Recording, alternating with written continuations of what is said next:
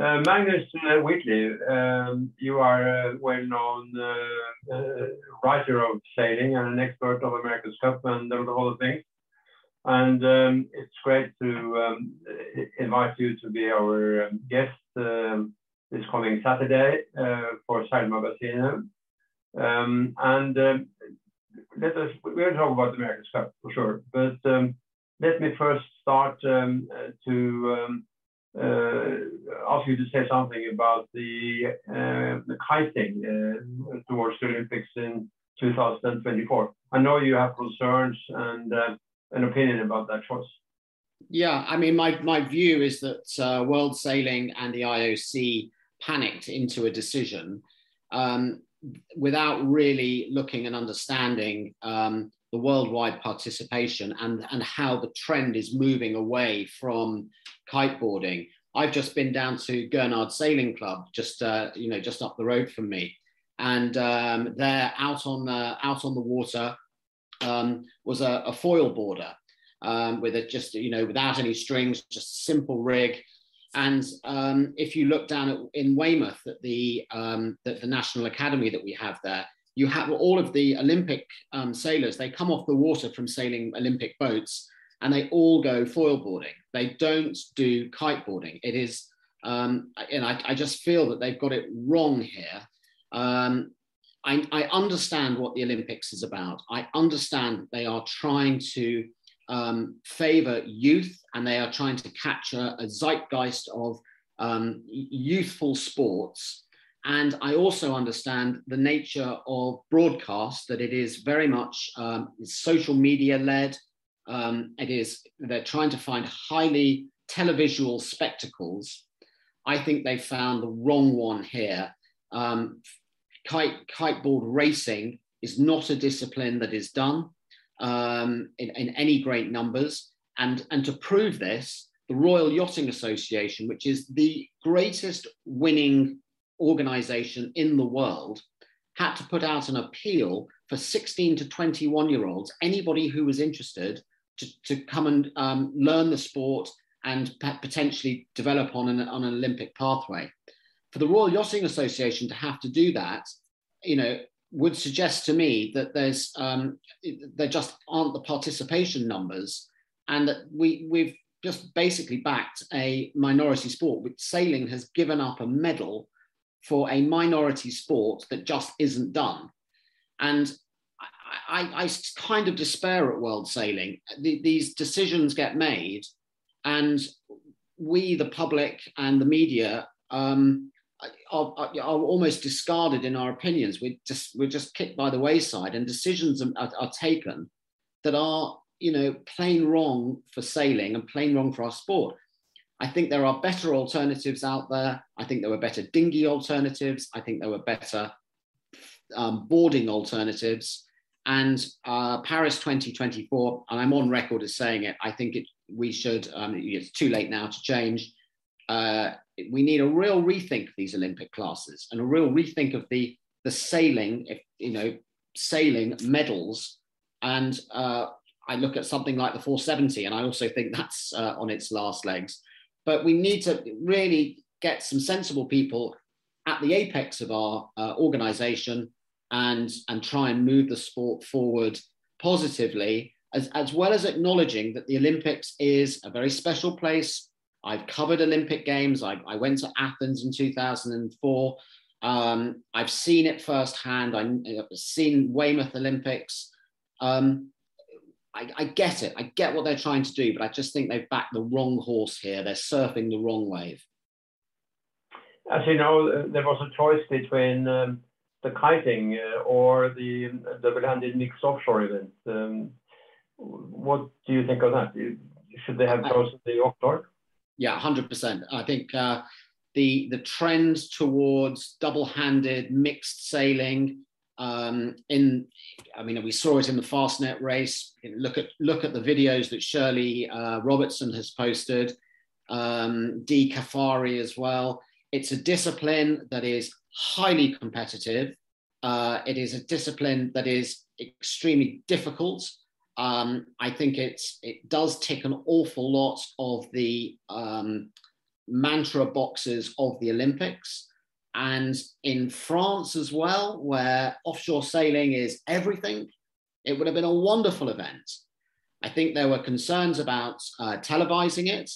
I, I, think those concerns were, were nonsense. Um, there were concerns, um, you know, on, on the, the boats. Well, that was solved. They were going to have one design boats. There were concerns about the rigs and the sails, and the rigs and sailmakers all said they would they would give it for free and would. Um, uh, Ken Read was was very adamant that uh, sails would be one design.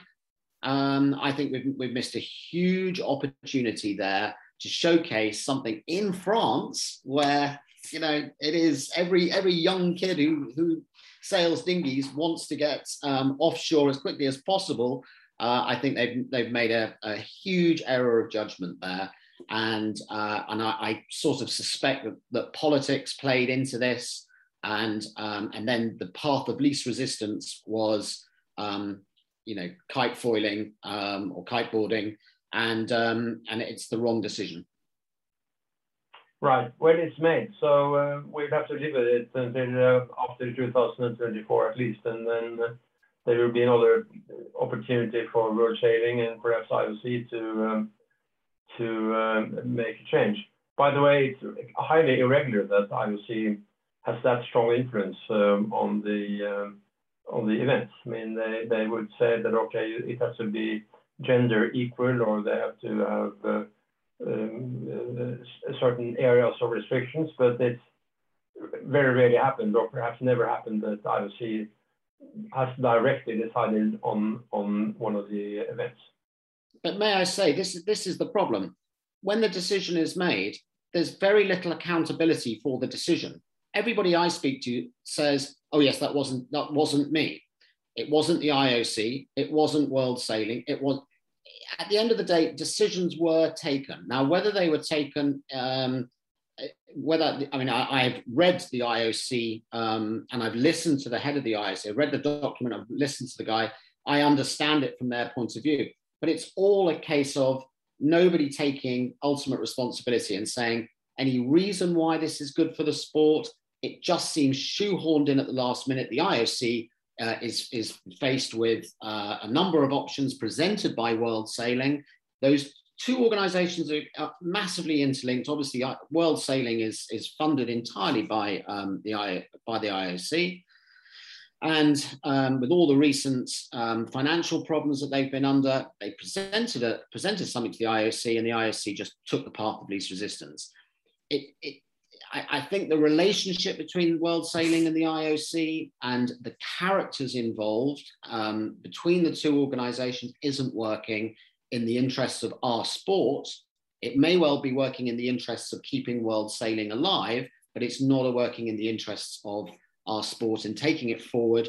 You know, Paul Henderson um, would have uh, had a very, very different approach, a very different tactic, and a very different um, outcome, I believe.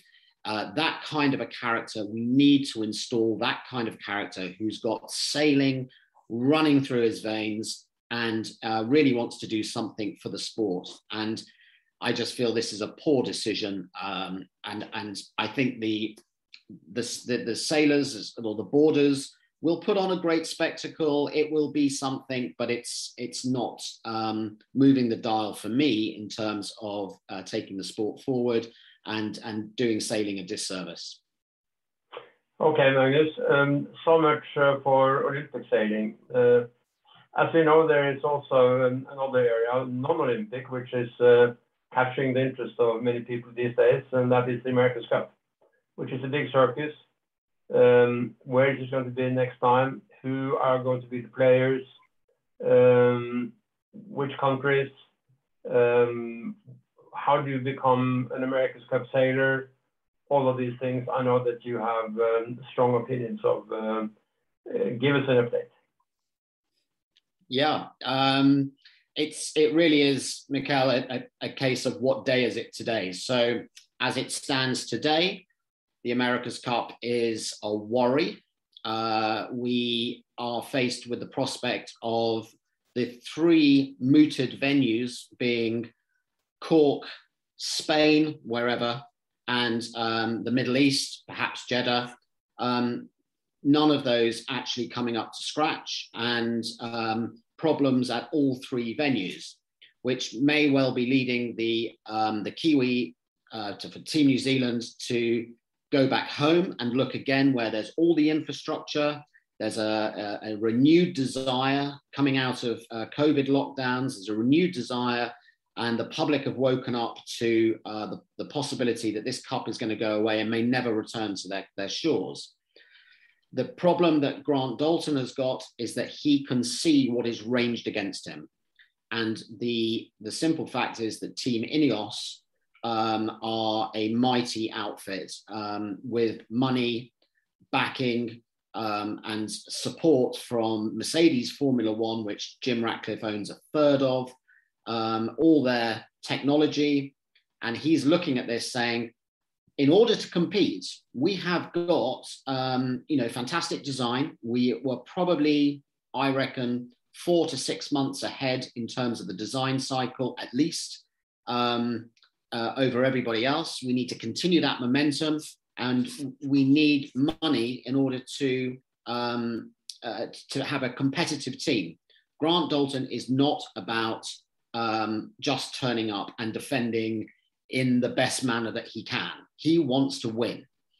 And he feels that there is no money. He has jabbed his tentacles into every pore um, that, that could possibly have cash in New, in New Zealand, and he claims the money isn't there. There are others who say there is the money there. And um, there are some, you know, fairly big names that are willing to put some backing and support to keeping the um, cup in Auckland.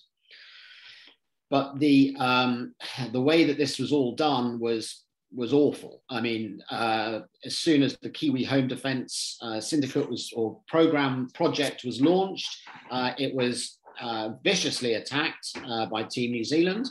and there were some missteps made. There were some big, big missteps um, taken.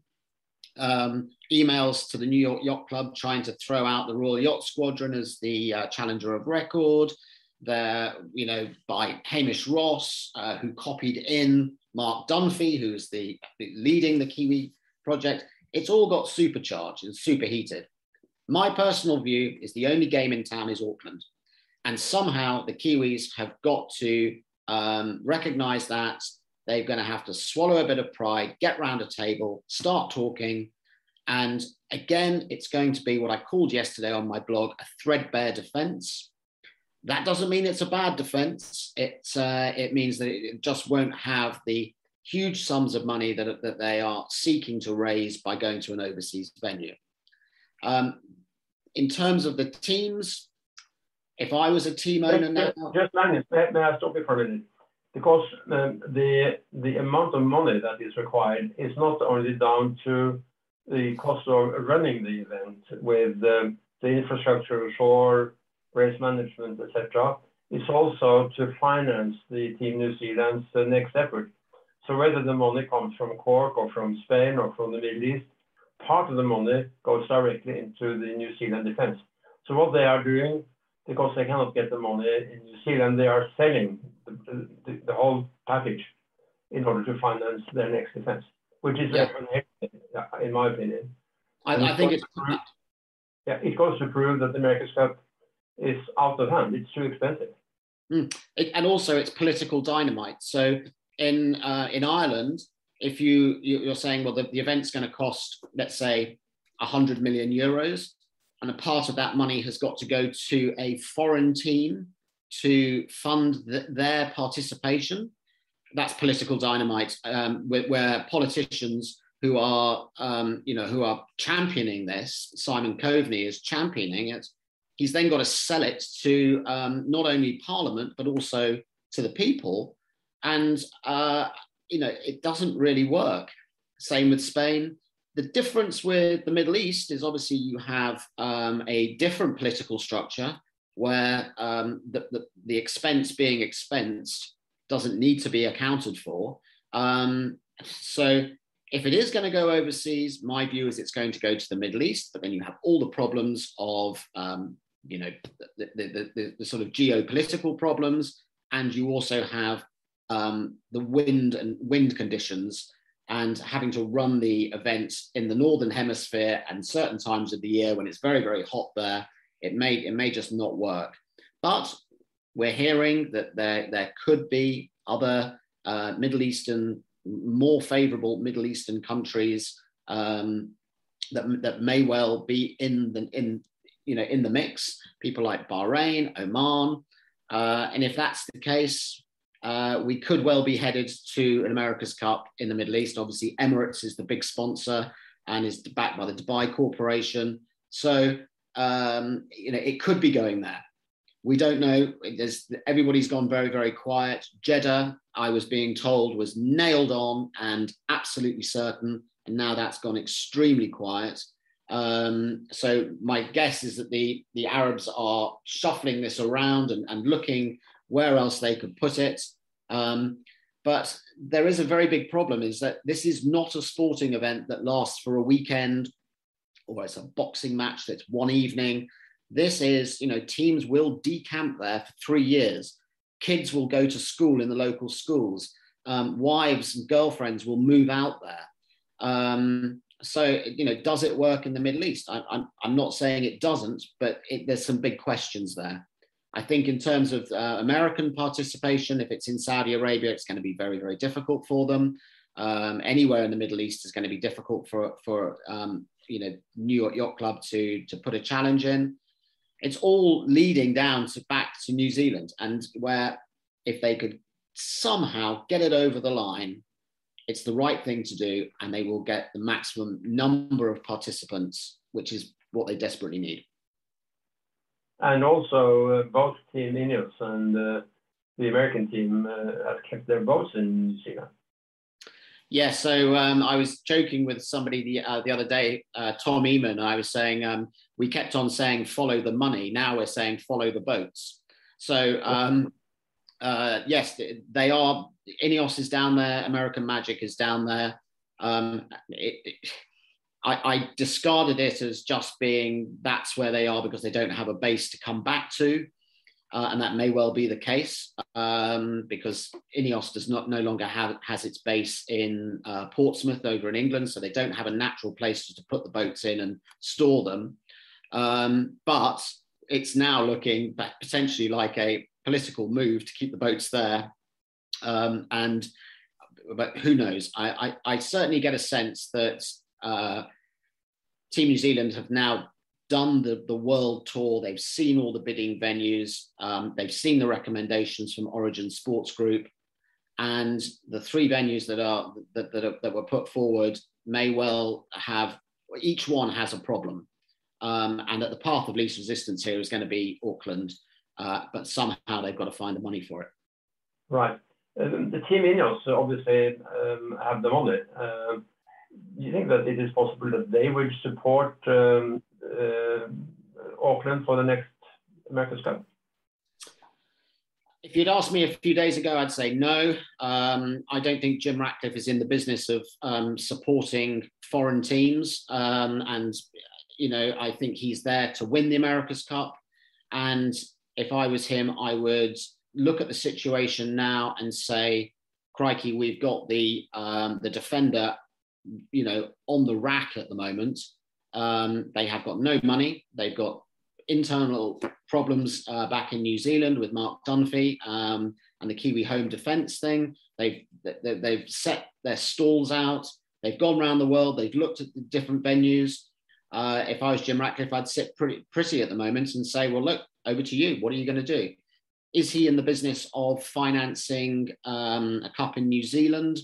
Hmm uh, there would be string. Well, I, I would put strings strings into that one. Um, I, I, think it's unlikely, to be honest. I think they are what they're going to show on Monday at their sort of their inside tack um, show is a show of strength that they are there and they're going to scare the living daylights out of the rest of the um, uh, rest of the challengers and the defender.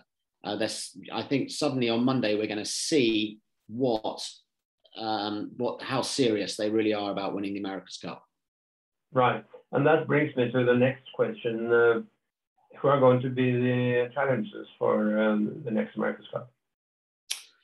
So certainly Team Ineos will be there. Um, that's you know it's Challenger record. They are nailed on and they are all guns blazing at the moment. They are um, behind the scenes. They are rock and roll. Now, if it's in Auckland, we could see um, the New York Yacht Club. Uh, they've sidled with Stars and Stripes rather than with the American Magic team.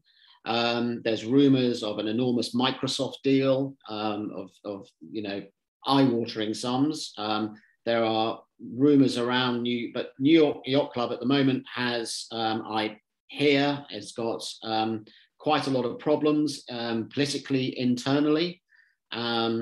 So where what they do will you know, and how that plays out, and whether the Commodore can weather the the membership storm. Um, if that plays out, then the New York Yacht Club will be there. Um, the persistent rumours of Alinghi will just not not go away. But I think the all commentators who have ever followed Ernesto Bertarelli know that he is all about winning. He is not going to just make up the numbers. And if he's going to do it, he's going to, um, it's going to be a, a top level uh, challenge rumors that he, he might have, he would have problems with the nationality rules, won't he?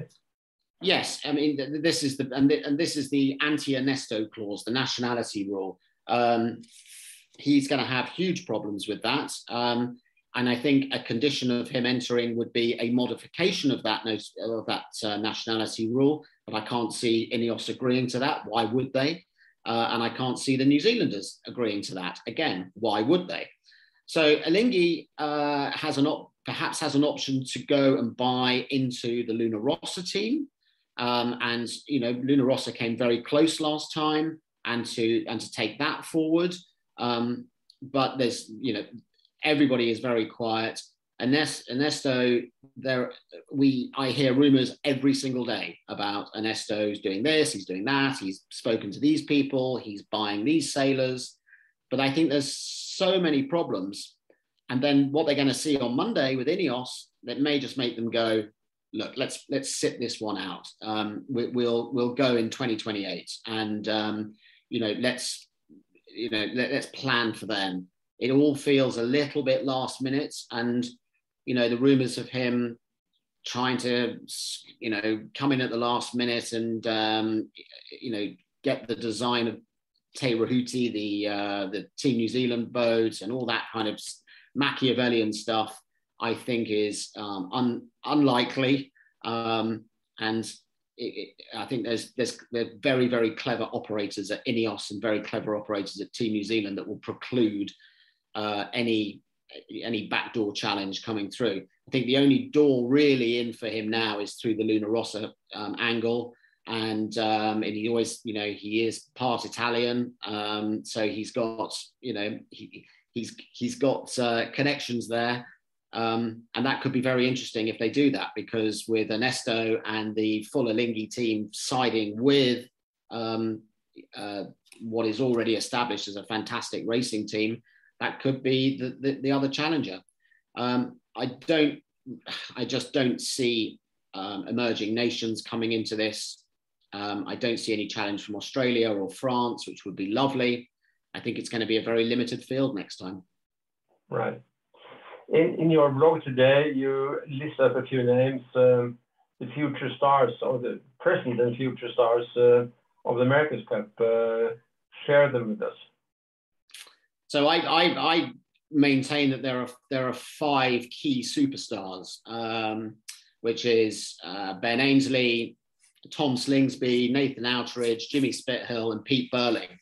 And um, going through all of those, I mean, they've all been on the Sail GP circuit, which I, I think has been fantastic this year. They've all been on that circuit. They've all um, shown flashes of brilliance. Um, I, I, think really Tom Slingsby is the one that really stands out as not only for his performance at Sail GP, but his performance in the Moth Worlds.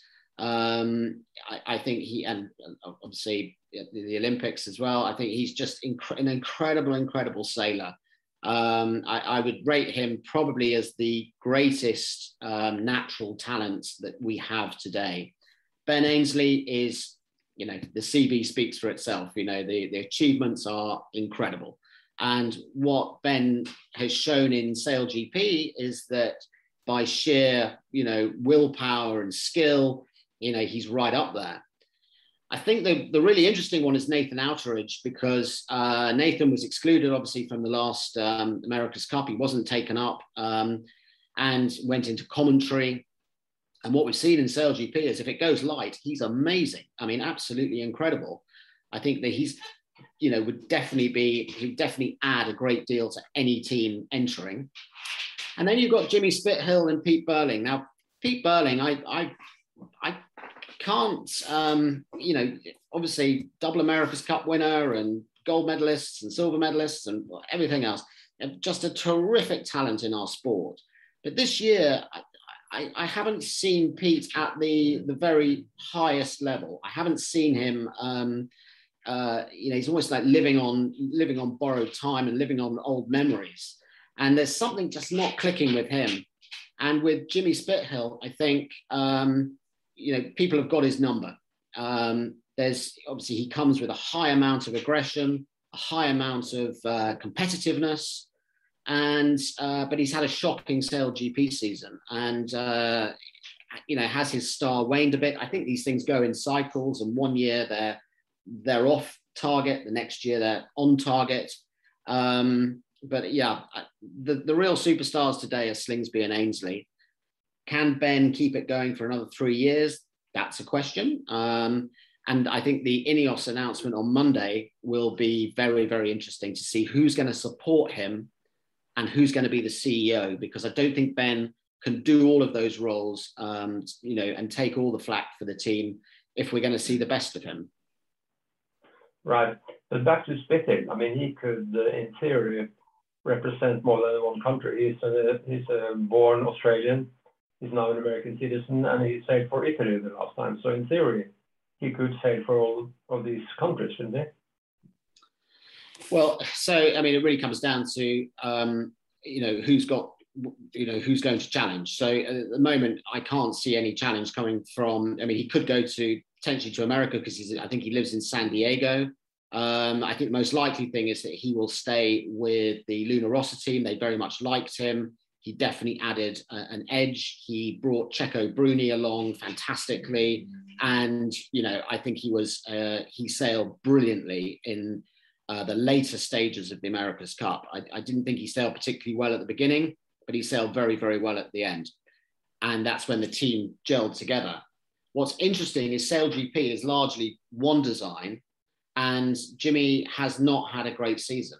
So uh, I think Luna Rossa will be looking at that. I think they will be saying, okay, um, let, let's let's see how next season plays out. He'll definitely be in there.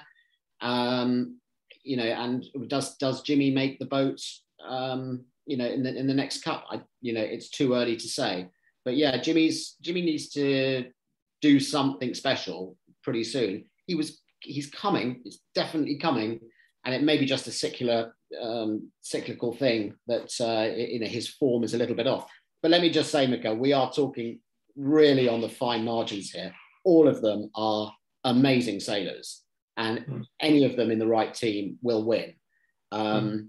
And and and I have to be absolutely clear about that. That we are talking the difference between you know Lionel Messi and uh, Cristiano Ronaldo. It's it's fine fine margins and um, and it's and it's also down to form as well. And you can't keep form for a, you know for four years. You just very very difficult. I mean, the fact that Pete and Blair scored a silver medal in the Olympics. Uh, we should be applauding that. It's actually seen as a bit of a failure, but I mean, heaven's sake, it's a silver medal in the Olympics. I mean, you know, who are we to, to criticize? But it's the manner in which it was lost. You know, there was it was gold all the way. He was leading all the way through that regatta and then taken right at the end. And um, you know, I couldn't see any other winner than than Pete Burling. And I think you know, it's keeping up your form for four years, having come off an America's Cup campaign, really, really difficult. So. Uh, they are all terrific sailors. They are our generation, and uh, one of them is going to is going to win, and one of them is going to take all the glory. And it's it's the one of those five. From from where do you recruit the future America's Cup sailors? Uh, um, in the past, many of them have come from the Finn class, uh, but that's no longer the Olympic class. So, so the elite is not going to be sailing there. Are they coming from?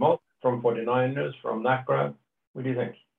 Well, I mean, I think sailing is changing, and I, you know, the usual pathway of starting an optimist, progress up to a laser, move into the Finn, uh, or maybe do an Olympic campaign. You know th- th- this is going this is going to change and we are living through a revolution of um, of, of, how children are now sailing um, and and their desire now is is not necessarily to mimic what Ben Ainslie did.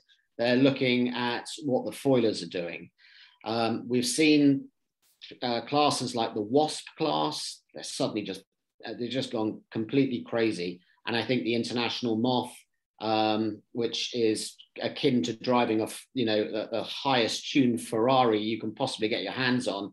Um, I think the superstars of tomorrow are going to come from you know in from those classes. I mean, I, I was involved in a fantastic um, attempt to sail across the channel in a WASZP, um, and I was on the support boat for Hattie Rogers. And this is a young lady who, um, with the world at her feet, in my opinion, who um, you know, incredible sailor, and you know came through optimists and 420s and uh, you know the the RS boats, um, you know, through the youth development, but is now performing at a high level and is mo- going to move into moths. And that's the pathway now. And when I go down to my local sailing club, the kids there, they they're, they're learning because they just want to get into a foiler as quickly as possible. And uh, so it's going to change. I think we're going to see this, the, the five that I was talking about dominate the pro professional circuit for a, a while. The ones coming through, um, it, you know, it's it's almost a lost generation behind them. Um, I think I think people like Slingsby and Co will be the big dominant forces uh, in the America's Cup for probably two to three cycles now. Pete Burling as well, two to three cycles. I think this is Ben's last cycle. I think this is probably, possibly Jimmy's last cycle. Nathan is probably getting maybe one, maybe two. So you've got 10 or 12 years of these guys really dominating and supported by sailors like Paul Goodison and Giles Scott and people like that. Then we've got to really look who's coming through those foiling classes. And um, you, I think we, will be quite surprised. It will be those with you know, who get the opportunity in something like SailGP that will be the next generation. You, you said SailGP, which is a huge success. Uh, I agree with you, but uh, is it sustainable? I mean, it depends entirely on Larry Ellison's money and how long is he going to finance this circuit, do you think? Well, I mean, and, and, all credit to Larry for doing it. I mean, we where would we be without um, people putting this kind of money and um, in, into into our sport? Uh, uh, Larry doesn't sound as though he's going anywhere anytime soon. He's enjoying it. Um, he's turning up at events. Uh, he's more active in SailGP than we uh, than we know, and and than is than is public. Um, you know, he is uh, heavily involved. So they want to make it a sustainable event. They want to make it Formula One. Um, the, the problem is that sailing isn't Formula One. It doesn't have the worldwide appeal. I think what they've done with SailGP is remarkable. Um, the sponsors that are now being attracted to it and these events weekend, you know, weekend after weekend are really getting, you know, real traction.